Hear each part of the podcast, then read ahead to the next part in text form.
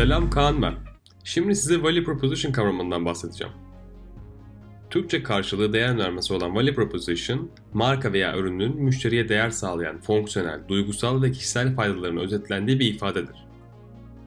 Yani bu ifade kullanıcılarınızın zihninde markanızı nasıl konumlandırdığını özetler de diyebiliriz. Value Proposition, kullanıcılarınızla ilişkinizin başlangıcını tetiklediği gibi devamını sağlamak açısından da çok çok önemlidir. Çünkü sunucularınızla söylediğiniz bu değer kullanıcılarınızla verdiğiniz bir sözdür aslında. Ve kullanıcıya verilen söz tutulmazsa güven sarsılmaya başlar ve ilişki bağı zayıflar. İyi bir değer önermesi benzersiz, kısa ve öz olmalıdır. Bu yüzden Value Proposition kavramını Unique Value Proposition olarak da rastlamamız mümkün. İyi bir Value Proposition tüketiciye şunları söylüyor olmalı.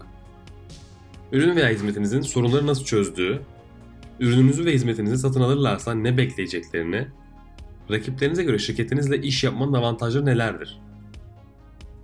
Örneğin MailChimp'in değer önermesi Build your brand, sell more stuff, send better mail.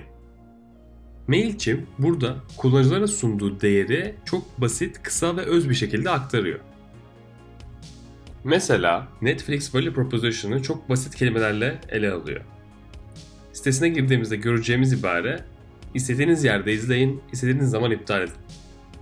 Kısa ve öz olduğu için kullanıcı için çok net ve anlaşılır. Son olarak B2C ürünlerde duygusal fayda öne çıkarken B2B ürünlerde duygusal değil rasyonel bir yaklaşım olacağından fonksiyonel fayda daha önemli. Herhangi bir sektörde bir ürün için çok sayıda seçenek varsa mevcuttaki ürünler için sunulan benzersiz bazı ek hizmetler de ürünün değer algısını farklılaştırabilir. Özellikle rekabetin çok olduğu sektörlerde sıradan bir değer önermesi çok işlevsiz kalır. Artık value proposition nedir biliyorsunuz.